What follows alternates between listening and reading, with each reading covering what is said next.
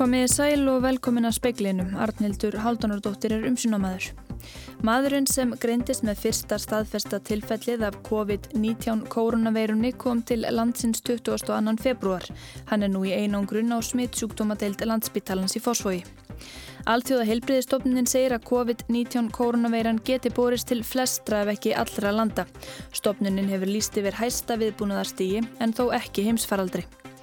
Ríkistjórnin bóðar að leifisveitingar vegna lagningar jarðstrengja og raflína taki mun stittri tíma en nú hefur verið. Vonsku veður er nú á austanverðulandinu og mikil ófærð. Maðurinn sem greindist með fyrsta staðfesta tilfellið af COVID-19 koronavirunni kom til landsins 22. februar. Hann dvelur nú í einangrun á smittsjúkdómadeild landsbítalans í Fosfói. Landlagnir sagði hann og fjölskyldu hans hafa brúðist við að miklu æðruleysi þegar þau fengu tíðindin og þau hafi geta gefið greinargóður upplýsingar.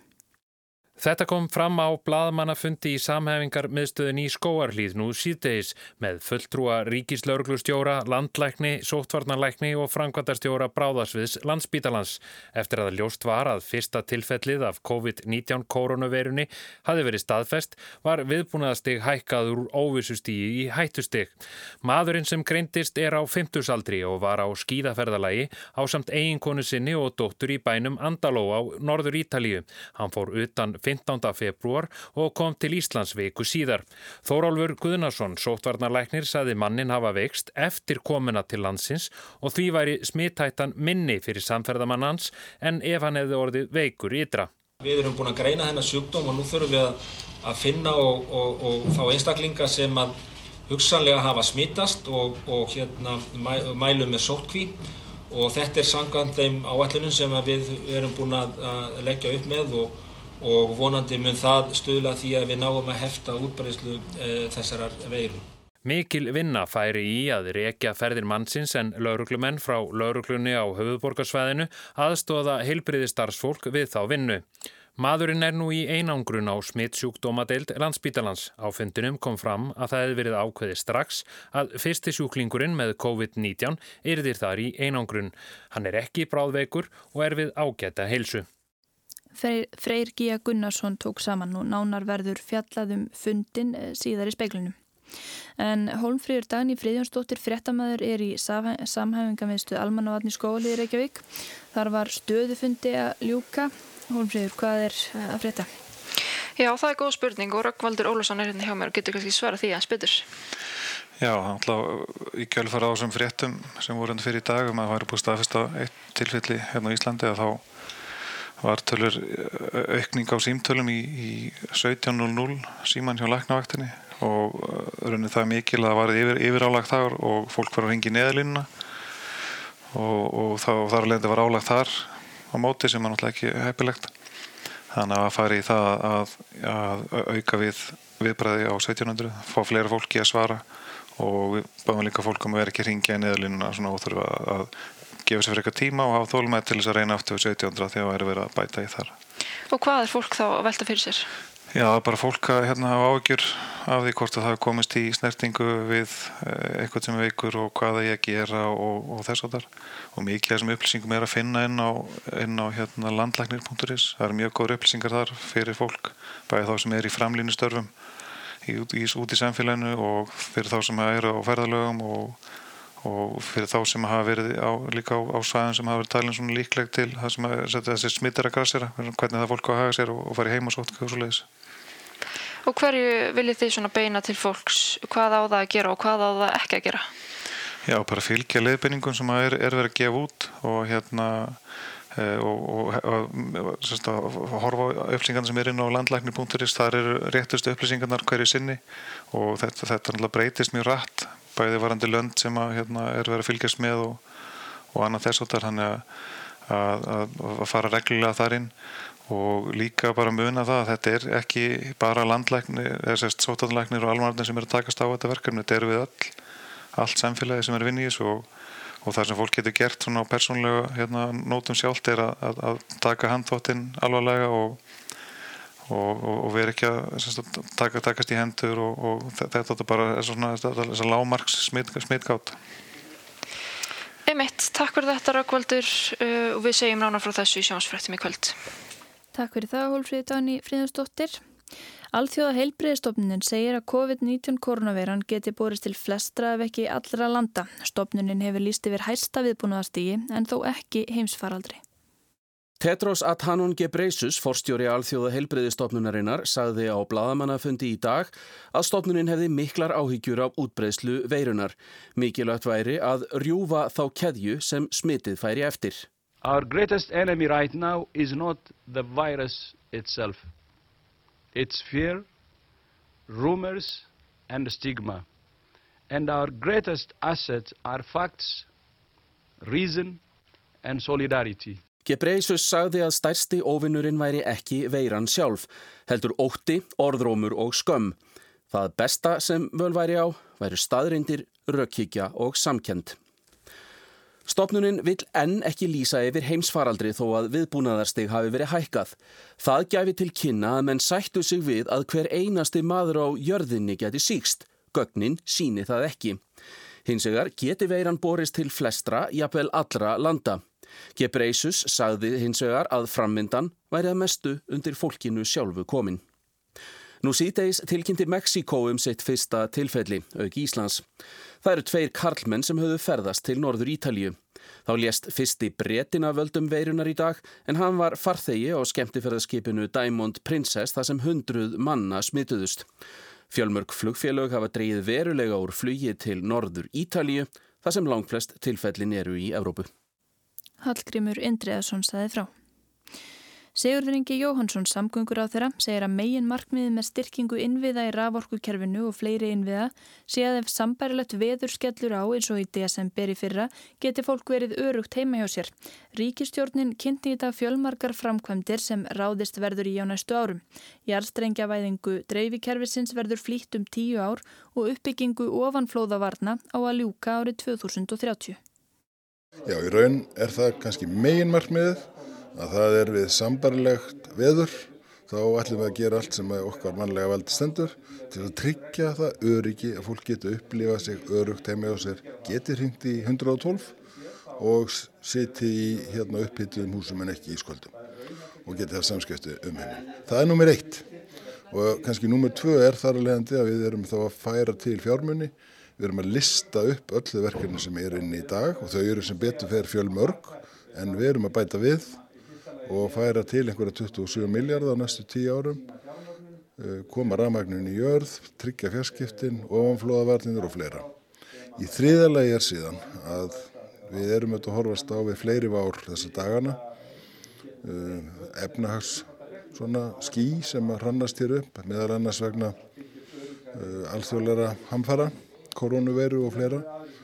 Og við segjum við erum í standi til þess að fara í efnahagslega rækjarir og það ætlum við að koma með slíkar tillegur við framlægningu fjármálavallinar hér innan, innan þryggja fjárvegna. Þetta var Sigurður Ingi Jóhansson, nánarverður fjallaðum aðgerðir stjórnvalda síðar í speklinu. Vonsku veður er nú á austanverðurlandinu og mikil ófærð, vegurinn um Möðrudalsöræfi og Vopnafjörðarheiði er lokaður, það er ófært um Hóvaskar, Sandvíkurheið og Vaskarð og leiðirnar um Fjörðarheið og Fagradal eru lokaðar. Þá er ímist þungfært eða ófært á héræði. Breiðdalsheiðir ófær og lokaðum öksi. Snjóþekja og skafræningur er með ströndinni á sunnanverðum austfjörðum og ófært í Hamarsfjörði. Ríkislauruglustjóri virkjaði í dag hættustig almannavarna. Þessi ákverðun var tekin í ljósi þess að fyrsta tilfelli COVID-19 veirunar var í dag staðfest hér á landi og ekkert látvirðist vera á útbreyslu hennar í Evrópu.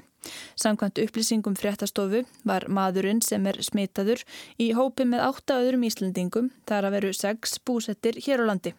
Almannavarnadelt Ríkislauglustjóra og sóttvarnalegnir fóri yfir stöðuna á bladamannafundi í samhæfingar miðstöð almannavarna síðdeis í dag. Góðan daginn, velkomin á þannan bladamannafund í Björgunum miðstöðinu Skóvalíð.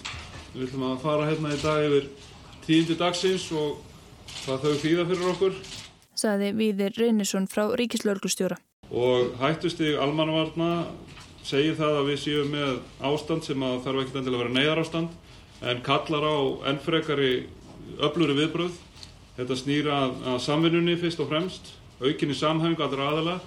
Á hættustíði virkast líka fleiri aðilar til verka og mörg fyrirtæki og, og hérna, stopnarnir hafa núna hlutverk samkvæmt sínum eigin áallunum og fara betur yfir, yfir þá þætti núna. Þannig að við erum ennþá að bæta í viðbúnaðinn og þó að sé þetta bara eina tilfelli sem við ráðum auðvitað, auðvitað vel við að þá erum við núna að undirbúa okkur undir það enn frekar en áður að, að stíga þannig inn í þetta ef að, ef að frekari útbreysla verður. Með viði á fundinum voru Alma Möller landlæknir, Þórólfur Guðnason sótarnalæknir og Guðlaug Rakel Guðjónsdóttir framkvæmdastjóri Bráðasviðs landsbítala. Stjórnvöld voru í viðbrastöðu en það hefur veiran verið að greinast annar staðar á Norðurlöndunum síðustu daga. Þórólfur Guðnason sótarnalæknir segir að það hafi bara verið tímaspursmál hvenar hún greindist hér. Við vissum að þessi veira myndi koma Við byggjum fólkum að halda rósinni, við byggjum fólkum að fara eftir þeim fyrirmælum og leiðbynningum sem hafa verið eh, gefin út uh, vegna þessara síkingar. Uh, leiðbynningar um, um hreinlætisaðgerðir og, og, og gæta handþotti til þess að forðast síkingum. Þetta setur þetta aðeins í nýtt samíki þegar veiran er komin en við munum skerpa á þessum leiðbynningum og síðan verðum við að sjá hvort einhverju fleiri einstaklingar greinast hvort að einhverja nýjar leiðbynninga þurfa, þurfi að koma út en við erum með ímislegt í, í, í bókahóttinu sem við þurfum að, að koma með ef að það reynist. Maðurinn sem greindist er með tiltölulega væg einkenni og er í einangrun á smittsjúkdómadeild landsbítala. Nú fer í hönd mikil vinna við að kortleggja ferðir hans, kanna við hverja nátti í samskipti úti á Ítalju og eftir að hann kom heim. Þórflur segir gengi út frá því að fólk smiti ekki fyrir það að sína einkenni, þó að það sé ekki útiloka með öllu. Þannig sé engum hort til þess hvaða einstaklinga maðurinn umgegst eftir að hann vektist. Alma Möller, landlagnir, segir að þetta sé alltaf skýrast. Þetta Þannig að uh, einstaklingurinn er sjálfur að skrifa niður í, í sam, samneiti við hverja hann hefur verið og síðan er þá teimi á vegum almannavarna, bæði heilbriðstafsfólk og aðrir, sem að fer í þetta að rekja þessa, þessa uh, samneiti og hverjir þurfa að fara í sótti. Það er ákveðin skilmerki fyrir því. En sem komiðir hefur enginn sem tengist manninum verið beðin um að halda sig í sóttkví en það kann að koma til þess. Maðurinn var á svæði sem ekki er á skilgrendu hættusvæði. Þórólfur Guðnarsson segir að það sé sífælt verið að meta hvaða svæði teljist hættusvæði. Ég held við séum kannski líka að fara inn í þann tíma uh, að, að það eru kannski fleiri lönd og fleiri svæði sem að geta komið til greina og, og eftir því sem tímin líður og þá verður kannski æg erfiðir að skilgreina það en, en þetta þarf alltaf að endur skoða og höfum við gert það en, uh, á hvernig mennst að degi. Í rúman mánuð hafa viðbræðsaðilar hér nú undibúðu sig fyrir komu veirunar. Á fundinum kom fram að kerfið væri vel í stakkbúið til þess að takast af stöðuna. Alma Möller landlagnir vakti aðtikla á því að um 80% tilvika reyndist síking væg en um 5% veikist alvarlega og fái lúnabolgu. Þeir sem séu með einhver enkenni síkingar eiga eigi að hafa samband í síma 1700 til að aðtók hvort nöðsynlegt sé að taka síni eða fara í sótkví. Hún segir að til greina komi að komi upp sérstakri lækna línu til að fólk geti haft samband og þá séu sjúkraflutningamenn undirbúinir undir þessa veiru og spítalinn líka. Þeir veikustu gætu þurft meðferð á gjörgjastlu deilt og það er sömulegis búið að fara yfir ferla og skipula og menn búa auðvitað að reynslu frá faraldrinum 2009. Nú það er búið að fara yfir byrðahald og styrkja það bæði liv, hlýðarbúnað og annað. Þannig að við landsbítali hefur, var viðbúinn að taka móti þessum sjúklingi. Það er heilsugjastlan um allt land sem er í framlínu og þeir einstaklingar sem hafa verið á áhættu svæði og fá einkenni eins og hýta, beinverki, hósta og fleira sem gæti svara til síkingar skulur hringja í símanúmer 1700 og þar er með til hvort það er ástæði til sínatöku hvort það þurfa að beita sókví eða einangrun ef að smitt er staðfest. Og við höfum séð núna undanfarnar daga að álægið á heilsugjastluna hefur farið vaksandi þannig að nú er verið að skoða að setja sér, lækni, eh, sér vaktalínu læknis til að sinna þessu málum og það á líka styrkja símsvörun í síma 1700. Síni úr fólki verða tekin í sérstökum gámi sem hefur komið upp við bráðatill landsbyttalans en líklega verða engum tekin síni úr fólki sem er með enkenni því að talið er að veiran greinist ekki alltaf þegar að enkenni er ekki komin fram.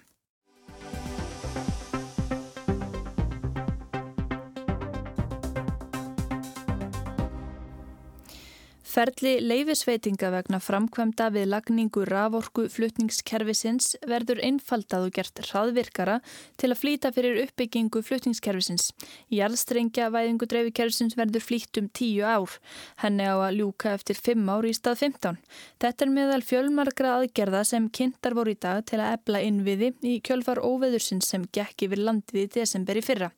Dæmir um að leifisveitingar hafi staði fyrir í tíu ár. Nú á að stitta þennan afgriðslutíma. Um 20.000 manns eru án rafmaks vegna ílviðriðsinn sem gengur yfir landið. Versta veður er skollið á Östalands þar sem rafmakt fór af allt frá Vopnafyrði og söður í Hortnafjörð. Enn er rafmakslust á stórum svæðum á Norðurlandi og 20 björgunarsveitarmenn af höfuborgarsvæðinu er á leið norður til aðstúða. Það gæti tekið nokkrar vikur að laga rafmaksdreifikerfið. Þetta var brotti Bróttarsson í hátíðisvéttum 11. desember. Talsverðar umræður um brotalamir í raforkukerfi landsmanna og fleiri innviðum þegar veðrinu slotaði. Fram kom að það vanta í raun ekki peninga, heldur var kvartaði við því að það tæki langan tíma að fá samþyggi fyrir lagningu bæði rafstrengja og raflína. Dæmi væri um að leifisveitingar hafi staði yfir í tíu ár. Nú á stitta hennan afgreyslu tíma eða gera hann hraðvirkari. Það verður meðal annars gert með því að mál verða sett í forgang hjá viðkomandi stopnunum, heimilt verður að taka eina sameilega aðalega skipulags ákverðun, þvert á sveitarfélagamörk og heimilt verður að skipa sérstakar stjórnsýslu nefnd sem á að undirbúa að taka ákvarðanir. Guðmundur Ingi Guðbrandsson umhverfisraðara óttast ekki að meiri hraði leifisveitinga munu bytna á umhverfislið þessara framkvæmda. Hann bendir á að það sé ekki kæruferli sem trubli lengd leifisveitinga. Tafinnar tengist fyrst og fremst afgreifslu skipulagsáallana og útgáfu framkvæmda leifa.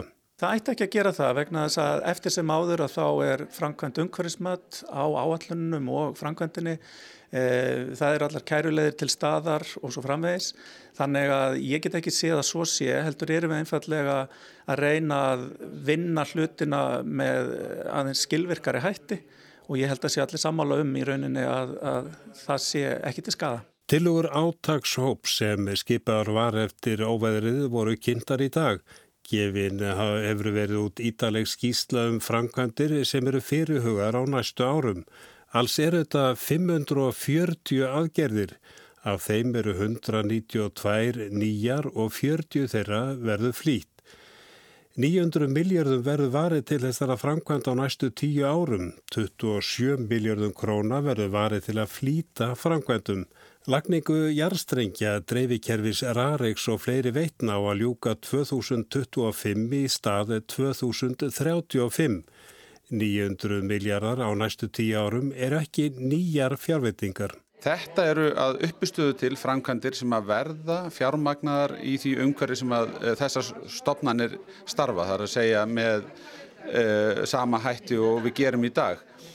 Eh, að öðru leiti erum við já að eh, bóða það að það komi auki fjármagn í gegnum ríkisfjármálinn til dæmis vegna ofanflóða varnana og við munum þurfum að bæta þar á hverju ári þessi næstu tíu árin um 1,5-1,6 miljardar á meðaltali ofan þann miljard sem að það er fyrir. Þannig að þetta eru þá rétt um 15 miljardar næstu tíu árin sem við setjum bara í ofanflóða varnanar og já við erum að segja það sem komið þá verði fjármagnað af ríkisjóði Eh, síðan er þetta fjölmart annað sem að við eigum eftir að útkljá og varðar hreinlega þætti eins og samgöngurnar, uppbygging vegakerfisins og stærri framkvæmdi þar sem að við munum þá taka til uh, ákvörunar í tengslu við fjármála áallununa. Þannig að hér, hérna er semst, þessi sérstakki hluti uh, afgreitur en við höldum áfram að vinna uppbyggingu inn við á fjármagnum þess. Segir Bjarni Benediktsson fjármálar á þeirra sangkvæmt tilvonum á ofanflóðavörnum að ljúka árið 2030. Katrín Jakobsdóttir, forsættistar á þeirra, saði þegar hún kynnti tilvöðunar í dag að markmiði væri að tryggja jöfn tækifæri landsmanna út um allt land. Já, það eru auðvitað markmiði að tryggja jöfn tækifæri um landa allt og það auðvitað sáum við svona afhjúpa sig í þessu veðri að landsvæðin eru mísvel í stakk búin til að takast á við svona veður eða aðra náttúruhamfarir. Þannig að það sem við erum búin að gera er í raun og verið þessi kortlagning, hver er staðan, hvað er á dagskrá, hvað er í áallunum ríkisins, ofinbæra félag og aðnara innviða fyrirtækja og uh, draga það saman hverju þarf að flýta til þess að við getum staðið við það að tryggja jöfn tækifæri. Og stóru tíðindin eru þetta flýting, jarðstrengja framkvæmda til 2025 í stað 2035 og síðan flýting uh, uppbyggingar á snjóflóðavörnum og ofanflóðavörnum til 2030 sem er auðvitað rísa stórt hagsmunamál. Þannig að það stýst annars vegar um þessa flýtingu mm -hmm. en hins vegar að kortleggja það sem að, já, er í raun og veru á dagskrá en núna er þetta komið á blad. Já, nú erum við raun og veru með þetta heilstaða yfirlitt yfir innviðina sem bæði verið aðgengilegt í skýslu en líka bara á netinu fyrir hvern og einn til að skoða og þarna bætast annars vegar við, já, flýtingaðgerð en líka nýjar aðgerðir til að mynda þegar kemur að því að tryggja öryggi sjúkraflutninga, svo eitt dæmis er tekið. Eh, þannig að við teljum okkur vera komin með nokkuð svona skýra heldar mynd af landinu öllu í þessum ólíku innviðum sem allir heyrundir ólík ráðuniti. Þannig að þú lítur á þetta sem stórt skref. Þetta er stórt skref uh, og ég er mjög stolt af þessari vinnu því uh, auðvitað afhjúpaði í desemberveðrið ímsa veikleika og við erum auðvitað, það er ekki eina veðri sem hefur gengið yfir þennan veturinn, þetta er búið að vera mikil veðra vetur uh, og þá skiptir auðvitað máli að stjórnvöld síni viljan í verki og við erum bara komið núna með mjög skýra áallin um það hvernig við ætlum að búa betur af landsmönnum öllum. Og Þórtís Kolbrunn Kilvadóttir á þeirra orkumála segist vera bjassin á að flýtingi jarðstrengja væðingarinnar gangi eftir. Ég er mjög bjart sín um, varðandi jærstrengjavæðingun og þrýfessuna að þá lítið svo á að svo ákvörðun hafi verið tekin og þetta snúist um að tryggja þetta flítigjald sem eru 600 miljónir tæplega á 5 árum sem er nú ekki há uppæð og við höfum fengið Rarik og Orkup og Vestfjörð til þess að vinna það með okkur hvernig þessar áallanir getur lítið út. Þannig að við verðum að langmestu leiti búin að jærstrengjavæðið og þrýfassa landi allt 2025 í staðin fyrir áallan sem geng út á því eru lokið 2035. Þetta var Þórtís Kolbrún Reykjörð Gilvadóttir, Arnar Pál Haugsson tók saman.